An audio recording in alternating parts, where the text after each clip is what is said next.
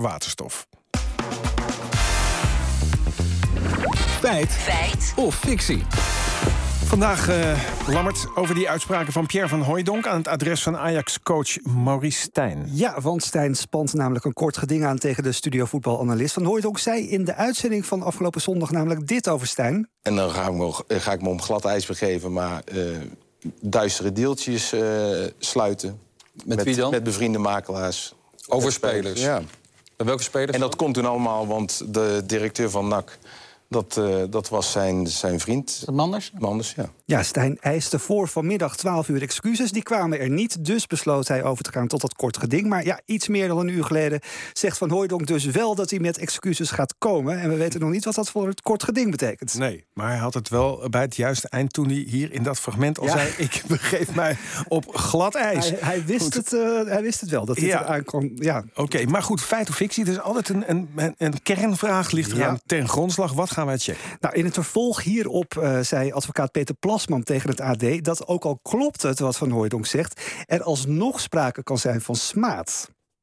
Dus dat gaan we checken. Oh, het verschil okay. tussen smaad en laster komen we straks op. Ik ben er even stil van. Ja, ik snap het. Maar we gaan eerst even een klein stukje geschiedenis van uh, Jandran Blanco, clubwatcher van NAC Breda. Hij vertelt hoe die hele fete tussen Van Hooijdonk en Stijn ooit begon. In de tijd dat Maurice Stijn trainer was van NAC, één seizoen, uh, heeft hij Pierre van Hooydonk gevraagd om hem bij te staan als assistenttrainer. Daar heeft hij voor bedankt. En terwijl de zoon van Pierre van Hooydonk, Sidney van Hooydonk, een van de spelers was waar Stijn mee werkte. Stijn vond Sidney van Hooydonk niet goed genoeg voor NAC. Desondanks speelde hij regelmatig, was hij belangrijk voor het elftal. Maar zijn gaandeweg het seizoen, Stijn en de familie van Hooydonk gebrouilleerd geraakt met elkaar. Ja, het is net goede tijden, slechte tijden. Ja. Maar ze hebben dus ruzie vanwege de Van Hooijdonk, van Hooijdonks zoon. En mm -hmm. dat is daarna erger geworden. Blanco noemt het een van de meest opmerkelijke fetes... uit de recente Nederlandse voetbalgeschiedenis. Opmerkelijk is ook dat Van Hooijdonk nog steeds werkzaam is bij NAC. Hij is namelijk lid van de Raad van Commissarissen. Oké, okay, nou jij, jij, jij, bombardeert mij met feiten... die ik als niet-voetbalkenner uh, echt uh, nu met graagte tot me neem. Nu dan het juridische gedeelte, smaad ja. en laster, zei je? Ja, mediajurist Charlotte Meindersma vertelt ons even het verschil. Smaad gaat over dingen die waar zijn, over feitelijkheden. Uh, waarmee je wel door het verspreiden daarvan iemands eer en goede naam aan wilt tasten. En bij laster doe je datzelfde. Dus ook het verspreiden met als doel om iemands eer en goede naam aan te tasten. Maar dan gaat het over iets waarvan je weet of zou moeten weten dat het niet waar is of waarschijnlijk niet waar is. Ah. Oké, okay, dus smaad, daar, daar is sprake van als je met feiten die op zich kloppen, ja. probeert iemand toch te beschadigen. En daar zou hier dus volgens Plasman sprake van kunnen zijn. zijn. Ja, advocaat. Ja, nou, we legden, we legden het voor aan mediarechtadvocaat Benjamin van Werven.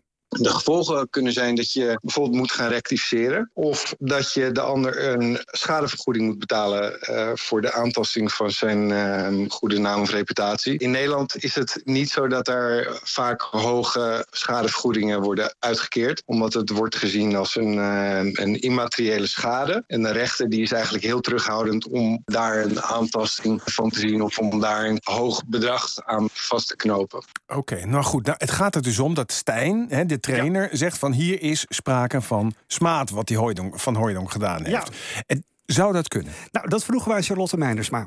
Als het waar is en hij heeft het gezegd met het doel om de eer en goede naam aan te tasten van Stijn, dan zou het inderdaad smaad kunnen zijn. En kan die daar strafrechtelijk voor vervolgd worden. En het kan ook zo zijn dat als je een belangenafweging maakt tussen eer en goede naam en uh, de vrijheid van meningsuiting van Van Hooijdonk, dat hij zo'n civiele procedure met een kort geding zou mogen starten. Nou, dan, dan is dat dus de conclusie, toch? Ja, het, het is te hopen dat die excuses uh, afdoende zijn. Want ook andere experts die we belden gaven aan dat de uitspraken van Van Hooijdonk inderdaad kunnen worden gezien als smaad. In de uitzending zei hij ook nog inderdaad dat hij zich op glad ijs begaf. En dat klopt, weten we nu. Het is een feit. Oké, okay, dank je.